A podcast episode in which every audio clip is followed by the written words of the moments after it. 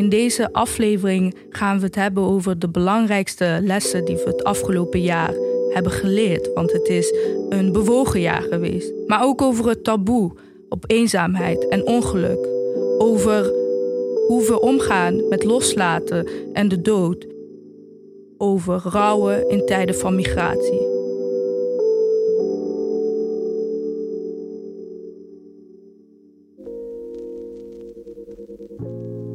Welkom bij Fufu en Dadels, de podcast waar vrouwen van kleur het honderd houden. Ik ben Munganyende. Ik ben Suhela. En ik ben Hazar. PS, vrijgevochten spellen wij met een zachte G. Loslaten. We leren niet hoe je ermee om moet gaan. Nog op school, nog in onze opvoeding, nog eigenlijk met de mensen met wie je het meeste zit.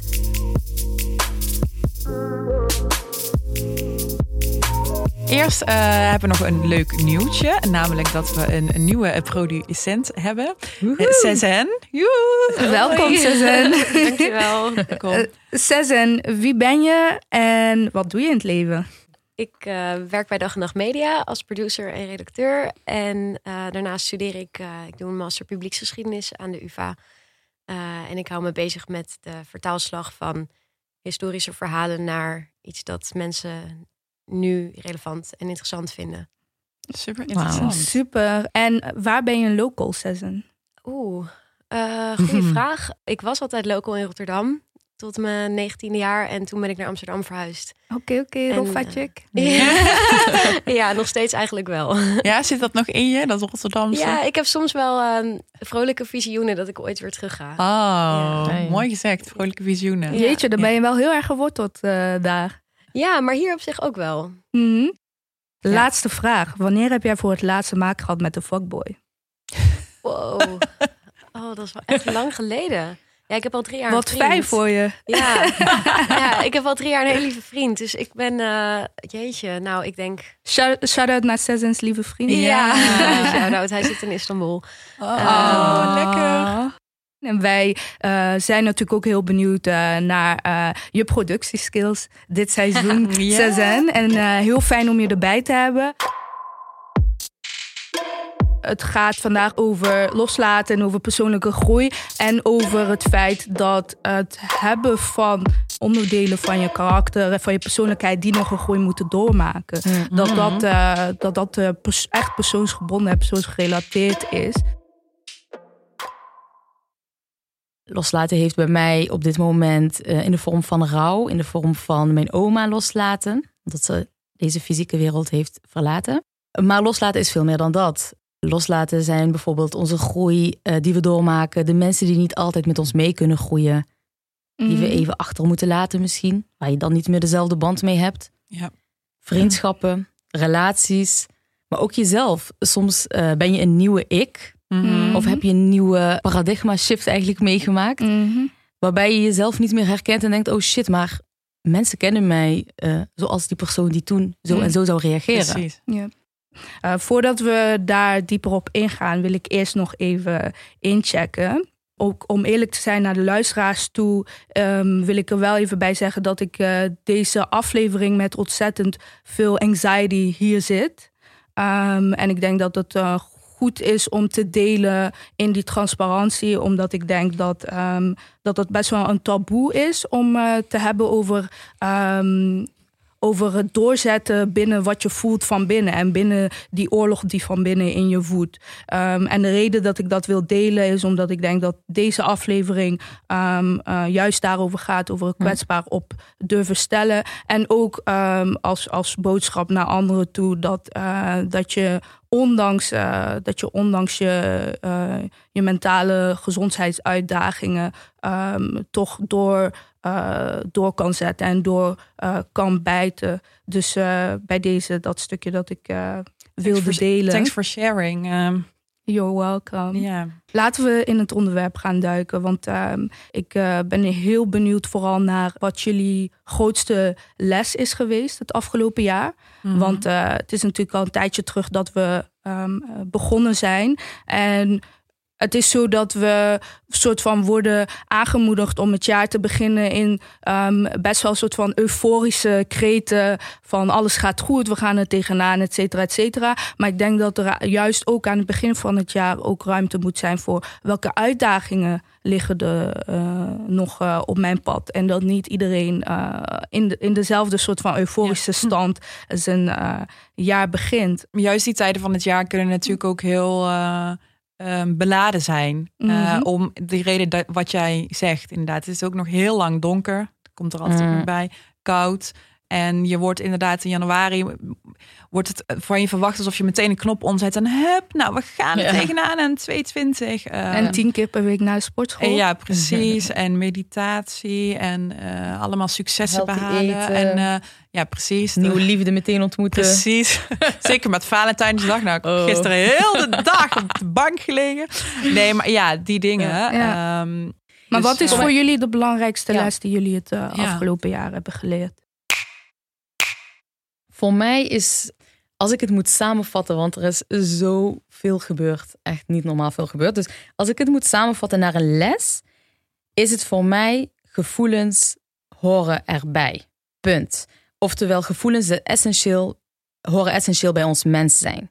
En wat ik daarmee bedoel, is dat ehm, we vaak zoiets hebben van je hebt negatieve gevoelens, je hebt positieve gevoelens. En we moeten maar fake it till you make it richting die positieve gevoelens. En dat is hetgeen, A, wat we laten zien, waar we over praten. En eh, wat ons doel in het leven is. En wat ons zal, ervoor zal zorgen dat we de dingen bereiken die we willen. Maar wat ik dus heb geleerd, eh, en dat is eh, voornamelijk ook in het, in het rouwproces wat ik, waar ik middenin zit, is dat doordat ik ook ergens dacht van dat is de oplossing om mijn doelen te bereiken en om door te zetten. Wat dat- was de oplossing? Het, Mijn eh, oplossing is van, positief. Mhm. Hey, ik kan dit goed, ik voel me nu lekker en dan helemaal zo heel eh, eh, overdreven daarin willen zitten.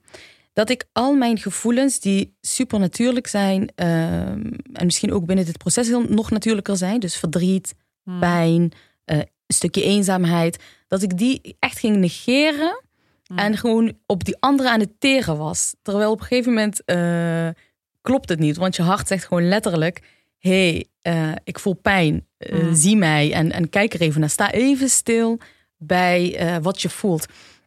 En voor mij, en, dat heb ik, en dat heb ik op een gegeven moment wel moeten doen. Ik, ik, terwijl ik daar doorheen ging, dus terwijl ik eh, heel veel verdriet heb ervaren. Ik, ik, kon, ik, ik kon daarnaast gewoon supergoed functioneren. Dus eh, gewoon naar mijn werk en alle dingen doen die, die, die, die gedaan moeten worden. Ehm, dus het belemmerde mij. En die kwam ik er dus achter van... hey, ergens vind ik dit ook wel fijn. In de zin van, ik ontdek delen van mezelf... die ik daarvoor heel snel zal labelen. Eh, als ik mij te lang verdrietig voel... dan label ik labelde ik mezelf snel als... ik ben depressief. Hmm. Ik ben down. Ik ben... eh, Moest je het een naam geven? ik moest het soort van naam geven. Ik identificeerde mij gewoon met die gevoelens. Dat is het Mm. eigenlijk meer. Als ik, het, als ik, dat, eh, als ik daarop terugkijk. En wat mijn les dus is geworden, is dus omdat ik mij daarmee even identificeerde, ging ik soort van die pijn koesteren. Omdat dat, dat was een deel van mij. En dan bleef ik er juist eh, best wel lang in hangen. En er heel veel oordeel kwam erbij kijken. En waarom ben ik nou niet gelukkig? En waarom ben ik nou niet eh, spring ik niet vrolijk uit bed. En, eh, want ik heb zo'n leuk leven, wat ik ook heb en waar ik ook super van geniet. Maar toen ik dus door die pijn heen ging, besefte ik me van, like, oké, just surrender. Mhm. En het maakt ook niet uit. Het is gewoon ook een onderdeel van mezelf. En wat mij dat heeft geleerd is dat het super mooi is dat wij als mensen, dus zelfs soms in één dag, al die gevoelens best wel intens kunnen voelen. En dat dat erbij hoort, maar dat het niet per se is dat ik dat ben. En eh, dat was zo'n bevrijding. Mhm. Mooi, van eigenlijk van je, je bent je gevoelens niet, maar je hebt ze. En, Ja. eh, En- en, en- die horen, maak je allemaal tot wie je bent. Denken jullie dat die eenzaamheid, ehm, dat eenzaamheid en ongeluk ehm, eh, een taboe zijn? Want je zegt Mhm. dat, eh, dat er een stukje eenzaamheid en een stukje ongeluk bij kwam kijken. En dat je vooral jezelf veroordeelde. Shit man, Ja. waarom ben je nou niet gelukkig? Ja, Het is, je, je veroordeelt jezelf eer, nog, nog als eerste dan dat de buitenwereld jou Ja. veroordeelt. En precies. denk je dat dat te maken heeft met een taboe? Dat heeft. ehm, dat heeft een, ik weet niet of dat taboe is. Het kan hoor, maar ehm, mijn eerste gevoel, eh, gedachte daarbij is dat wij leven in een samenleving waarin er zeg maar soort voorwaarden worden gesteld. Dus als jij eh, een leuke partner hebt, je hebt een superleuke baan, je weet wat je passie is en die volg je, ehm, je bent gezond, je hebt fijne mensen om je heen, dat als je die voorwaarden allemaal aan voldoet, dat je dan gelukkig moet zijn. Of dat je geen beeld. leegte moet voelen. Precies. En dat is precies dus wat ik uh, heb ontdekt in de zin van, ik was, ik was altijd al dat ik dacht van, nou ja, dat, dat bestaat niet, de ultieme geluk of zo. Maar nu um, zit ik dus in, heb ik dus ontdekt van, ja, ik heb al die voorwaarden, bijna allemaal. maar uh, dat, dat doet helemaal niet af aan of ik verdrietig ben of niet. Uh, of uh, mij verdrietig voel of, of niet. En het taboe daarin zit hem in het feit dat je het niet makkelijk kan bespreken. Omdat als je het hebt over eenzaamheid, dat, uh, dat, dat die omgeving aan vaak niet weet hoe daarop te reageren. Uh, wanneer zij eventueel nog uh, naar jou moeten vragen van... stel je voor, we hebben nu een gesprek over eenzaamheid... en over een maand wordt er nog gevraagd van... hey, hoe gaat het nu met je um, met betrekking tot eenzaamheid... of met betrekking tot rouwen... of met betrekking tot datgene verliezen... Dus dat, dat weten we niet als samenleving hoe we daar om mee om moeten gaan. Dus we negeren het maar een beetje met z'n allen. En als je het wel benoemt, wordt het heel snel gelabeld als zwakte. Wetende dat het wordt gelabeld als zwakte, veroordeel je dus al jezelf hmm. met: oh, dit is een hele zwakke, een zwak gevoel. Van Bergen vooral. Ja, je, je, je, dus... je merkt dat uh, sowieso al uh, aan uh, het feit dat als mensen vragen van hoe gaat het, dan verwachten ze dat je zegt ja, goed met jou. Ja. Weet je wel? Als je zegt van niet zo goed, dan zie je diegene eigenlijk al meteen verrekken van oh shit, nu moet ik hiermee engageren. En Denken jullie dat wij ook in, in de samenleving een onuitgesproken soort van tijdlimiet hebben? Van tot mm. wanneer vraag je iemand nog van hoe gaat het? Um, hoe bedoel jij dat? Als je, uh, Want volgens mij probeer jij daarmee zelf iets te zeggen. Um, ik probeer daar zelf mee te zeggen dat ik uh, dat wel herken. Dat mensen zeg maar een bepaalde een soort bepaalde tijd hebben. Want omdat Hadja het net ook had over uh, wanneer checkt iemand nog een keer even in. Ja. Dat mensen, uh, daar, doe ik, daar, ben ik zelf ook wel schuldig aan. Gewoon een soort van tijdslimiet hebben in je hoofd. Van oké, dat is gebeurd bij die naaste van mij, bij die persoon. En dan ga je daar, vraag je daar een paar keer na. En dan over een tijd dan ga je ervan uit dat het goed gaat. Of daar, soort van on, ik denk dat het meer een onuitgesproken iets is wat, wat beide partijen, wat iedereen denk ik, voelt of van uitgaat. Omdat we dat um, ja, ook geleerd hebben, denk ik, als samenleving.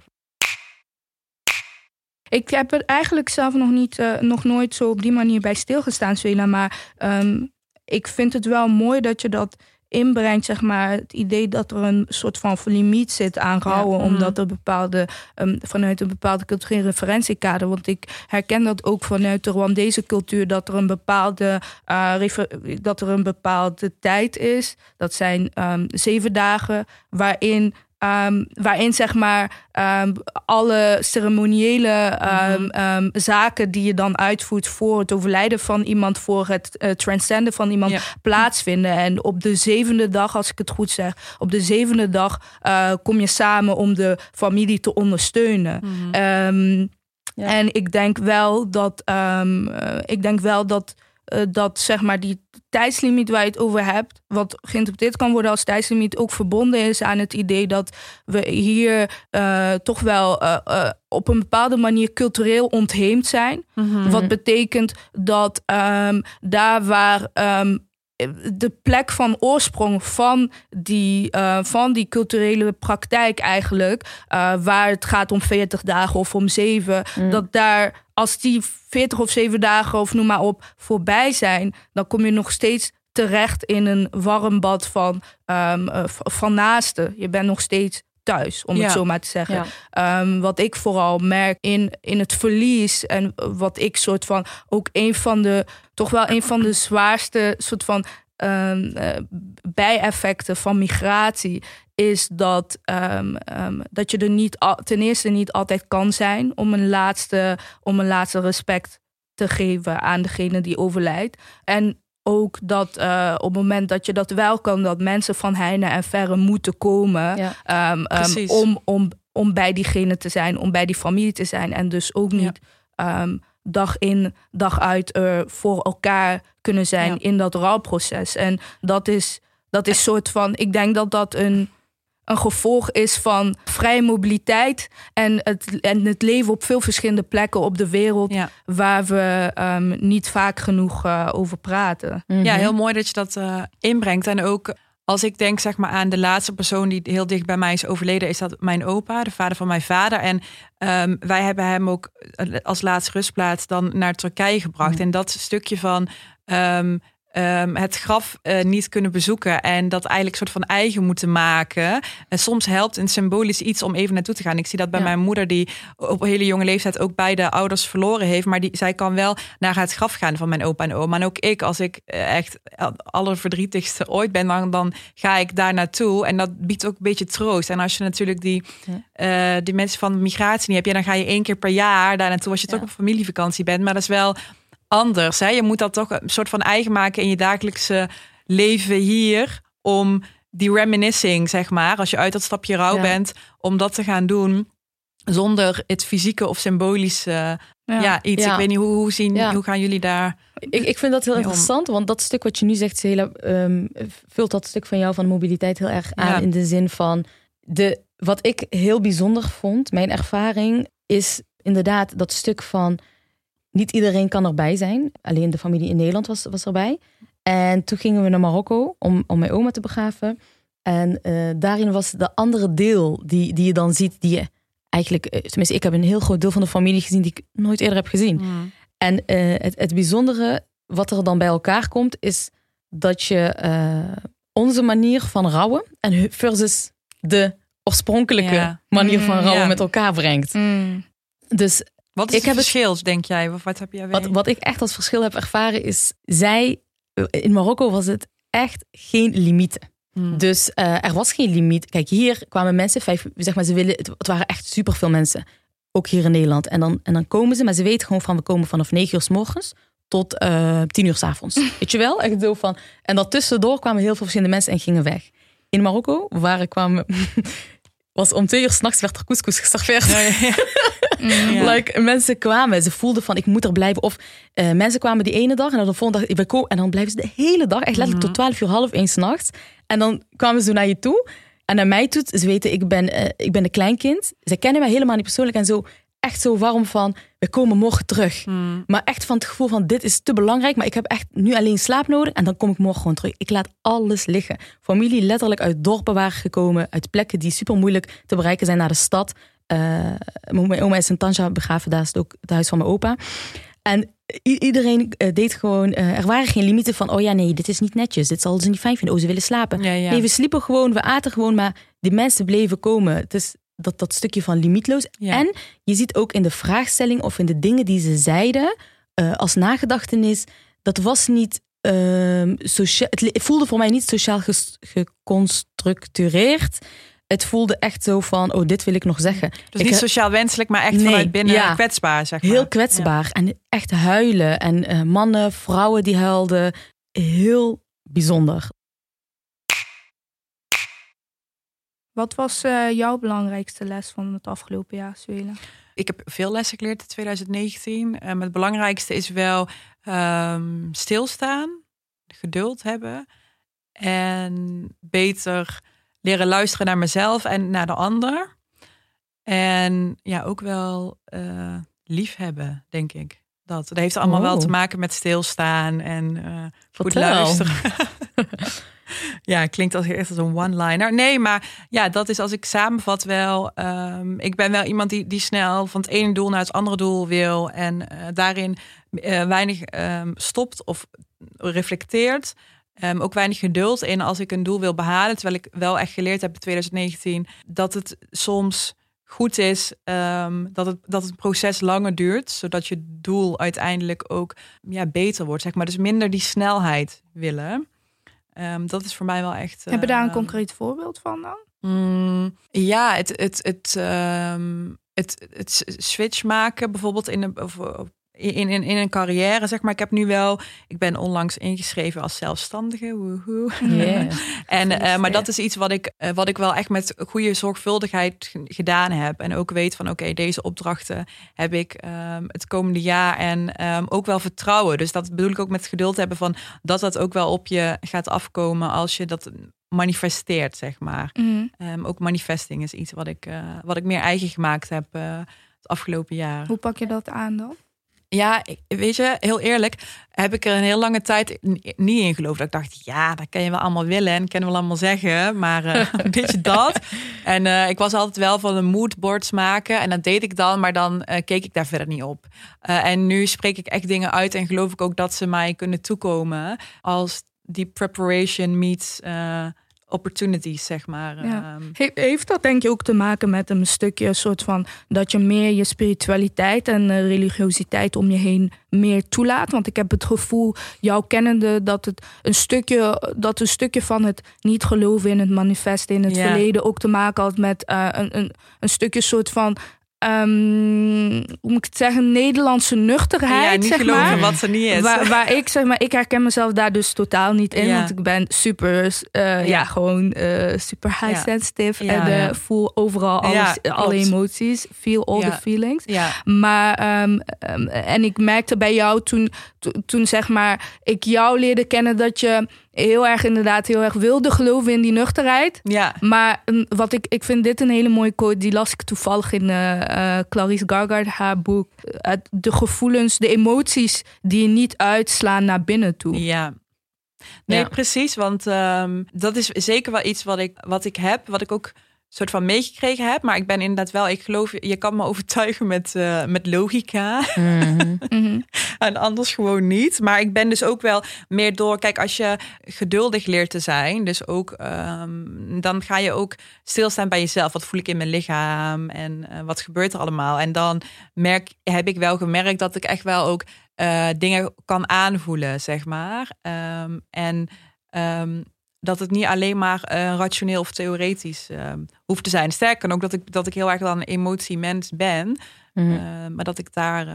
en was dat onwennig in het begin? Ja, dat was wel onwennig. Want dan ga je gewoon dingen herkennen van... oh, heb, heb ik nou ook een soort van anxiety of zo? En dat is wel uh, confronterend dat je dus denkt dat je daar niet in, over het algemeen op beoordeelt, maar eigenlijk jezelf beoordeelt. Mm. Dus uh, dan beoordeel je anderen waarschijnlijk uh, onbewust ook gewoon. Mm. En dat is, wel, dat is ook wel een confrontatie die ik in 2019 um, ben aangegaan. En hoe, hoe doe je dat? Want je, je hoofd, je hebt een supersterke logisch vermogen. vermogen.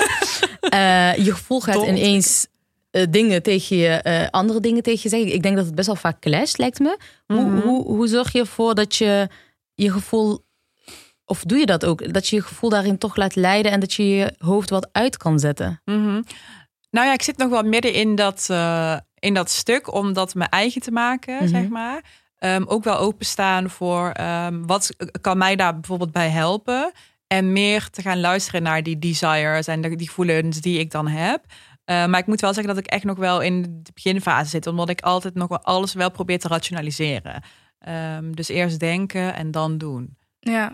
Um, ja, maar ik ga wel steeds meer herkennen van, oh, vandaag voelde ik me echt goed. Hoe komt dat? Wat, wat voor dag heb ik gehad?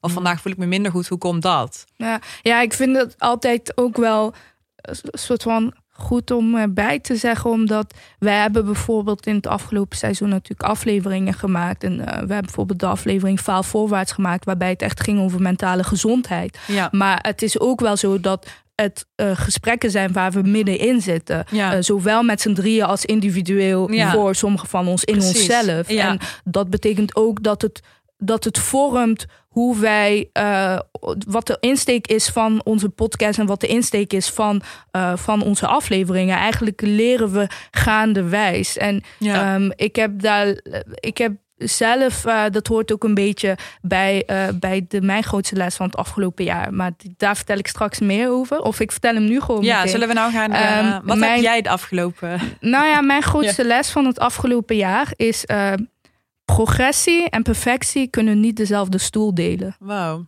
Ja. Ja. En ik ben, zelf, ik ben zelf heel erg perfectionistisch ingesteld. En dat is voor mij ook een, een, een grote, een grote trigger voor, uh, mijn, uh, voor mijn anxiety ook. Mm -hmm.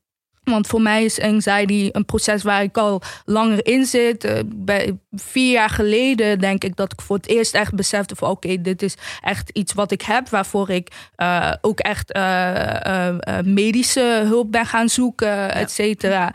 Um, en ook heel belangrijk overigens voor de luisteraars die daar zelf um, zichzelf in herkennen of mee kampen. Um, en, en therapie en, en, en medische hulp. En daar, dus dat is een proces waar ik langer, waar ik wel al langere tijd in zat. Maar wat voor mij echt gaandeweg soort van duidelijker is geworden, zijn de soort van pijnpunten die die, uh, die, die, uh, die, die angsten, die die uh, angststoornis zeg maar veroorzaakten. Mm -hmm. En um, voor mij is het zo dat, dat ik denk dat het feit dat ik um, belangrijk vond dat alles precies ging mm. zoals, het, zoals het zou moeten gaan volgens uiterlijke standaarden. Ja. Dat heeft ervoor gezorgd dat ik soms niet met beide benen in het leven stond.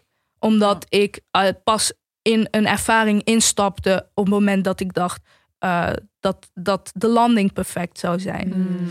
En dat is voor mij wel een hele belangrijke les die ik heb geleerd. En ik denk ook dat, dat je zou kunnen zeggen van ja, maar hoezo wist je niet? Uh, kijk, dit is een gedachte die ook in me opkomt van ho, hoezo wist je dan niet dat, dat je bijvoorbeeld anxiety zou kunnen hebben? Want je zou kunnen zeggen, iemand met een achtergrond als de mijne, met de oorlogstrauma, dat is toch vanzelfsprekend mm. dat je daarbij stilstaat. Maar toch.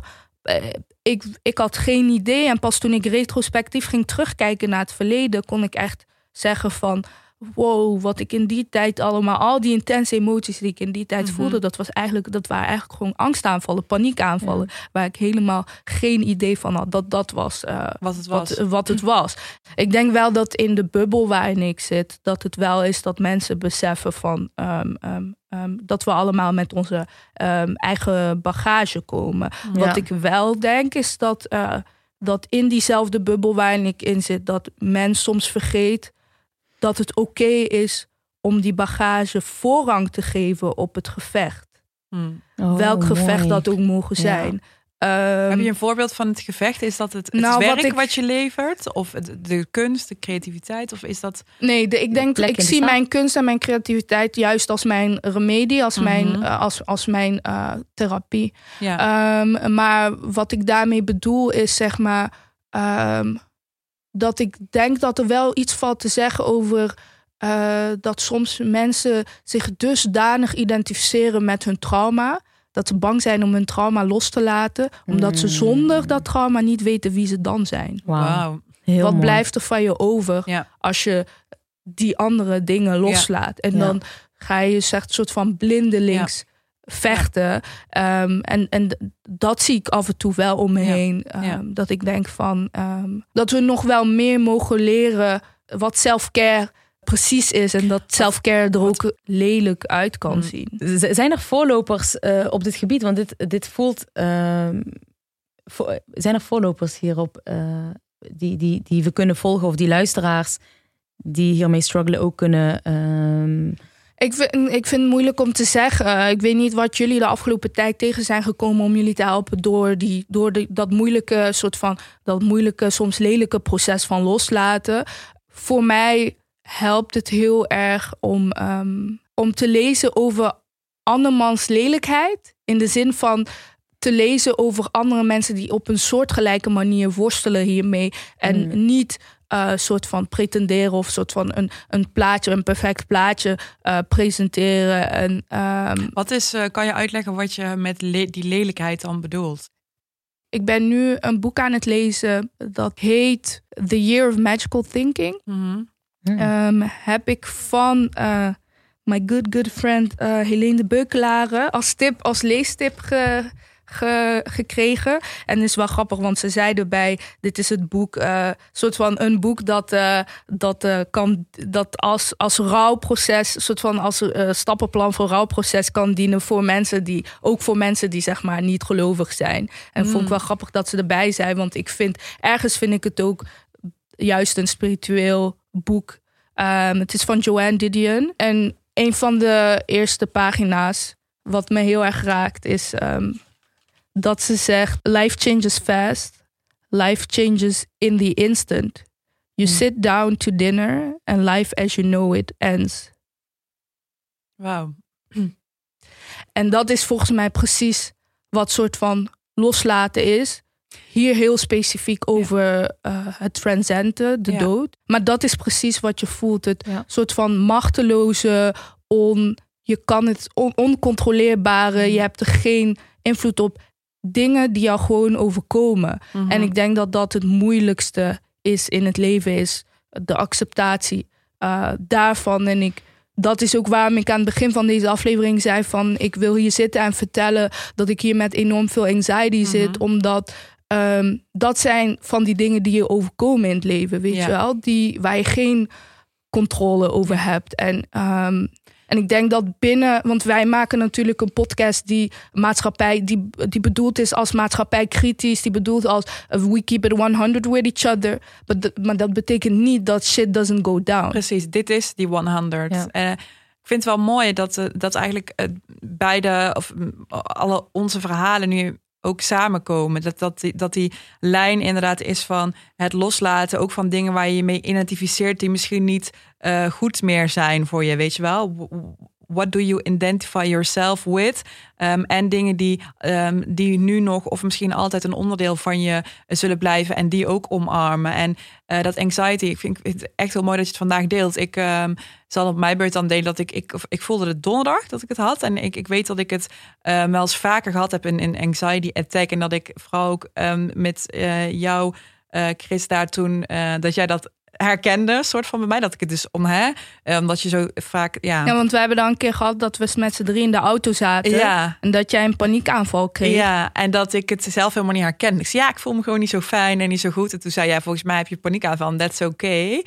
En ik had het donderdag, um, ik had wel een drukke dag gehad en ik ging uh, s'avonds naar de voorstelling Othello. Super mooi, dus nog steeds uh, aanraden voor iedereen. Shout-out tot Daria. Uh, Boekfiets. En, uh, maar ik merkte dat die indrukken uh, heel veel waren voor mij. En ik heb toen ook echt um, tegen die vriendin met wie ik was ook gezegd van... oh, ik voel me niet zo fijn. Volgens mij heb ik een, een anxiety uh, attack. Mm. Terwijl ik daar zat in het theater. Je zegt het heel voorzichtig. Vind ja, nog steeds eng? Um, nou ja, weet je, ik vond het wel goed om het, om het tegen haar te zeggen. En ze had ook zoiets van, oké, het is oké, weet je wel, doe rustig aan. En uh, daardoor um, appte dat ook weer weg of zo. Daardoor kon ik dat soort van, oké, okay, dat is nu zo. Um, ik heb het geuit met de persoon met, met, met wie ik ben. Um, omdat ik dat, uh, ja, dus ook al was voor het eerst, zeg maar. Dat vond ik wel heel belangrijk. En dat is dan inderdaad misschien die hè, lelijkheid uh, ja. tussen haakjes. Wat je zegt van, je hebt uh, het idee van... ik ga met een vriendin een leuk avondje hebben... en ik ga naar een hele vette hmm. theatervoorstelling kijken. Ik wil daar niet ergens verpesten of zo. Ja, wel? Terwijl uh, dat was wel op dat moment hoe ik me voelde. Ik was een soort van overweldigd. Ik had een drukke week gehad, veel gedaan. Um, veel naar Amsterdam geweest. Dat betekent voor mij dus bijna twee uur reizen. En dat was een beetje te veel geworden. En, Weet je eh, wat dat klinkt? Dat klinkt voor mij als performance anxiety. Mensen denken altijd van je, je kan alleen maar performance anxiety hebben als je op een uh, podium gaat staan. Maar voor mij is het buiten de deur lopen iedere dag al een soort van podium waar je op gaat staan. Zeker, mm. zeker als vrouw van kleur, zeker als zwarte vrouw. Ik denk dat. Um, um, en ik, ik herken dat ook heel erg, wat je zegt van um, de belofte die je aan jezelf maakt naar de buitenwereld toe. Dat je vandaag een goede dag gaat precies, hebben. Precies, want je hebt dus leuk iets afgesproken. En je gaat het niet verpesten door te zeggen het heel beladen te maken. En ik merkte ook dat zij mm. het op haar beurt echt kon waarderen. En dat we daar gewoon een gesprek over konden hebben. Uh, ook achteraf. En we zijn er wel iets gaan drinken. En dat ik ook, want ik weet dan dus wel weer heel rationeel gezien. Dat als je het toelaat, het ook ja, dan nog steeds erg en eng kan worden. Maar in ieder geval dan een stukje minder eng is dan uh, dat je het. Uh, want dan zeg ik altijd, ja, ja, ik heb uh, last van mijn maag. Dus ook uh, generationeel wat ik over heb gekregen van, mm. van mijn familie. Allemaal maagpijn. Nou, hoe zou het toch komen? Maar niemand heeft, ja. heeft andere issues. Iedereen heeft maagpijn. Toch? Ja. En, en uh, ik vind het mooi, ik vind het heel mooi hoe je, hoe je dat ook zegt, uh, Chris, van performance anxiety. Dat je dat hebt ook als je naar buiten gaat. Want uh, ik heb laatst, ik ben, uh, er, is, er is een therapeut op mijn pad gekomen waar ik naartoe ben geweest. En voordat ik daar naartoe ga, voor mij, had ik al meteen, wat ik vaak doe als ik zeg maar, het gevoel heb van ik moet een stukje van mijn bloot ziel, gaan, ziel bloot gaan leggen. Van mijn eh. blote ziel gaan leggen. om, om, om het maar even licht te maken. Precies.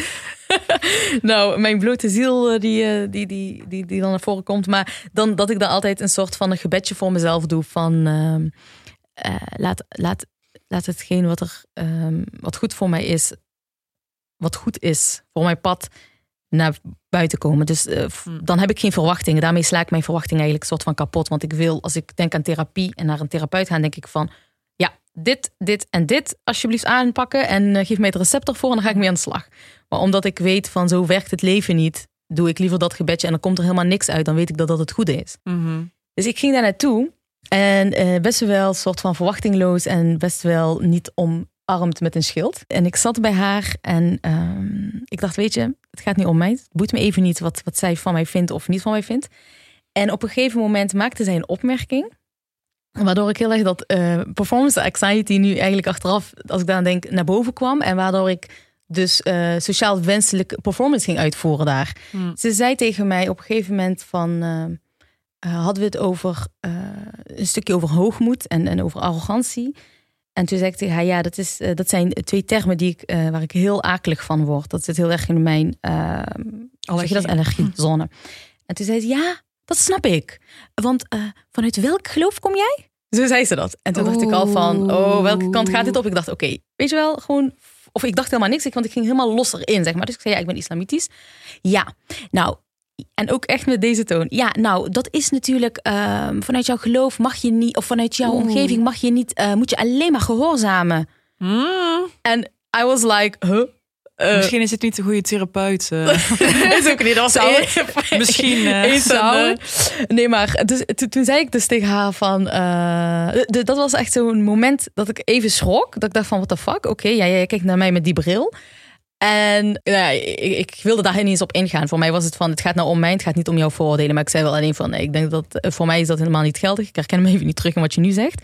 Maar, en toen gingen we weer terug naar het onderwerp. En achteraf besefte ik me van, wow, eh, wat is er allemaal gebeurd? Eh, ik heb wel wat mooie dingen meegekregen, daar niet van. Ik wist ook, voelde ook voor mij van, oké, dit is voor één keertje ook goed mhm. en fijn. Um, maar dat onderdeel zat me echt. Je bent wel aan het presteren. Ja. Want je moet zelfs op de plek waar je soort van jouw hulp moet krijgen. Echt, en je blote ziel moet kunnen neerleggen.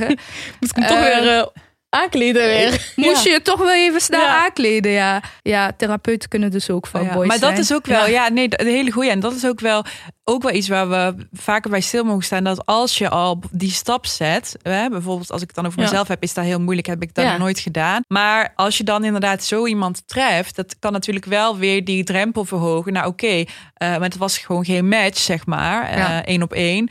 Um, en gewoon niet een, een, therapeut, een coach die jou kan uh, helpen, omdat zij jou al ziet op een bepaalde manier. En mm. dat is natuurlijk wel heel essentieel iets om, um, ja, dan kun je niet, niet meer zien of niet meer voelen. Dus je zal daar altijd, ja, je zal daar minder open ingaan in gesprekken die je dan met haar hebt. En dat is natuurlijk wel uh, lastig om, uh, ja, dat hoor je natuurlijk wel vaker, dat soms klikt het wel, klikt het niet. En die mensen, dat zijn natuurlijk ook maar ja. mensen. Ja, um, ja kwalijk wat zij uh, gedaan heeft. Ik, ik, ik, ik vraag me af, als je daar heel kritisch naar kijkt, Zwela, is dat dan voor jou de reden waarom het zo'n grote drempel vormt?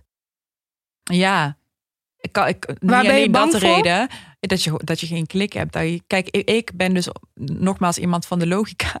Dus ik wil wel denken van, nou ja, dit gaat mij helpen. En ik ga niet uh, iets oprakelen. En ik heb dan iemand en die, kan, die heeft daar... Uh... Ja. Ik, dat, ik is heb wel, deze... dat is wel heel sterk wat ze zeggen. Want ja. um, het is natuurlijk wel zo dat in Nederland er heel veel uh, wordt gewerkt vanuit cognitieve gedragstherapie. Ja. En dat die Misschien therapie... helpt het mij juist wel dan. Of ja, maar die therapie is wel. Die therapie is wel gebaseerd op ehm, het veranderen van uh, gedragspatronen Ja. uh, door het spreken erover. Ja. Dus uh, het is in Nederland vooral de cognitieve gedragstherapie wordt in Nederland vooral aangepakt vanuit praattherapie. Ja. Mm. En, en dat het, is voor mij juist niet helpend. Het inderdaad. is wel aangetoond dat het schadelijker, meer schade kan aanbrengen. Um, als je traumatische ervaringen hebt meegemaakt en je rakelt ze weer op. Je trekt die wond uh, Ja. open, je trekt dat pleister eraf. En je zegt, kijk maar. En Exactly. diegene zegt, oh, wat erg, die Ja. wond. Mm. Maar Ja, exactly. wat doe je er dan Ja, uh, maar dat is wel een goede wat je zegt. Want ik kan, ik kan, ga me nu wel voorbereiden op om, om die stap wel te zetten, maar dan meer vanuit het gevoel. En ik denk als je vanuit het gevoel gaat, dat het dan ook gaat over, ehm, maar wat voel ik op dit moment? Zonder letterlijk die trauma eh eh, En te er zijn herleven. andere vormen van therapie. Je hebt muziektherapie, Ja. je hebt danstherapie. Ja. Ehm, ik had laatst een gesprek met mijn moeder. En ik, eh, omdat ik graag wilde weten. Ehm, ehm, en ik hoop haar binnenkort in de studio te verwelkomen, no pressure. om, om, om, om, om te weten waar die gevoelens vandaan komen. Dus ik vroeg haar van, heb jij zelf eigenlijk wel eens te maken gehad met anxiety? En zij zei van, ze trok echt een grimas van, waar heb jij het over? Mhm. En ze zei, ze zei letterlijk van mensen waar wij vandaan komen, hebben mensen niet dat soort problemen. Want als ze een probleem hebben, dan is daar een oplossing voor. Ja. En die oplossing wordt geboden door de gemeenschap waarmee ze omringd zijn. Oftewel, er zijn altijd nog mooiere dingen om voor te leven. En ik denk dat, niet Maar- om te zeggen dat dat hier niet het geval is, maar ik denk wel dat er iets valt te zeggen over de eh, soort van de mismatch die cultureel Ja. eh, Ja. zeg maar Ja. bestaat. Waardoor de, de, de dingen om te leven die hier aanwezig zijn, niet per se altijd voor mij zijn. Wat is voor jullie eh, het afgelopen seizoen eh, de moeilijkste aflevering geweest om op te nemen? En hoe gaan jullie dat meenemen naar het nieuwe seizoen? Hmm. Nou, als ik ehm, voor mij was de moeilijkste aflevering de eerste, omdat dat te maken had met mijn mediaervaring. Dus deze wordt heel eh, ab- abstract. En wat ik daarin ga meenemen is dat eh, ik minder kritisch naar mezelf ben. Minder, ik heb, ehm, dat mogen, mogen luisteraars best weten, altijd alles helemaal uitgeschreven. Dit is voor het eerst dat ik dat ehm, niet heb gedaan. Dat ik het draaiboek niet eh, tot in detail heb uitgewerkt en heb geoefend. Omdat dat ehm, ik nu meer uitga van mijn eigen kracht en mijn eigen eh, ja, communicatieve vaardigheden in eh, deze setting, in het opnemen. Dus dat is voor mij ehm, zoals het is.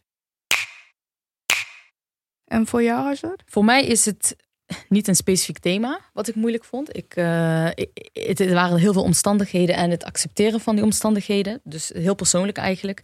Ehm, mijn oma was heel erg ziek in het jaar dat we begonnen met de podcast. En ik bleef maar doorgaan.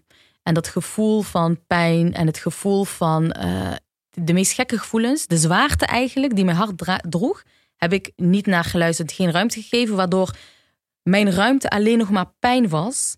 En waardoor ik dus eh, voor mezelf ruimte eh, afnam voor creativiteit, voor kwaliteit, voor letterlijk eigenlijk expansion. Echt, echt letterlijk van eh, de ruimte nemen om de dingen te, toe te lichten die voor mij belangrijk waren. Mhm. Dus dat is mijn voornemen voor het eh, nieuwe jaar eigenlijk. Het nieuwe seizoen van eh, eh, Just Be You. En eh, bereid, je, bereid je voor op de onderwerpen die je interessant vindt. En geef je ideeën, maak je ideeën kenbaar met, met de luisteraars Ja. en met jullie. En jij? eh, Voor mij was eh, iedere aflevering leerzaam en moeilijk ook tegelijkertijd. Om de reden dat ik midden in eh, mijn leerproces zat, in het loslaten zat. In het leren dat zeg maar het beeld dat anderen van je hebben altijd verandert. Maar dat Mm. betekent niet dat de zelfwaarde die je voor jezelf hebt op losse schroeven moet staan. Eh, als jij weet wie mooi. je zelf bent, dan Precies. maak de veranderingen die daaromheen gebeuren, hoeven niet uit te maken. En ik ben daar extreem gevoelig voor. En ik denk dat ik dat eh, de, de, de publiek, de pub, ja, zeg maar de, het feit dat dit toch een publiek Ja, ja. platform is. Dat is voor mij wel een eh, heel grote ehm, ehm, soort van leercurve geweest en groei geweest. Ik wil daarom ook eigenlijk afsluiten met een, eh, een van de bijzonderste dingen die ik het afgelopen jaar heb gelezen. En uh, het komt uh, uit het boek van Stay With Me, wat we ook in onze live show hebben behandeld. En het is de zin, zelfs als liefde in duizenden stukjes aan je voeten ligt, is het nog steeds liefde. Mooi. Dankjewel. Dankjewel. En um, ik denk dat dat geldt voor de liefde voor onszelf en ook uh, voor de liefde van anderen die we leren loslaten. Ja. Mooi. Ja. Dankjewel. We zijn aan het einde gekomen van deze aflevering. Ik wil jullie bedanken voor het luisteren. En wij willen Dag en Nacht Media bedanken voor de productie. En in het bijzonder Sezen, dank voor je aanwezigheid. En we zijn super blij om met jou het nieuwe seizoen te gaan doen. Je kan ons volgen via de socials op Instagram om up-to-date te blijven met betrekking tot onze nieuwe afleveringen. Tot de volgende keer.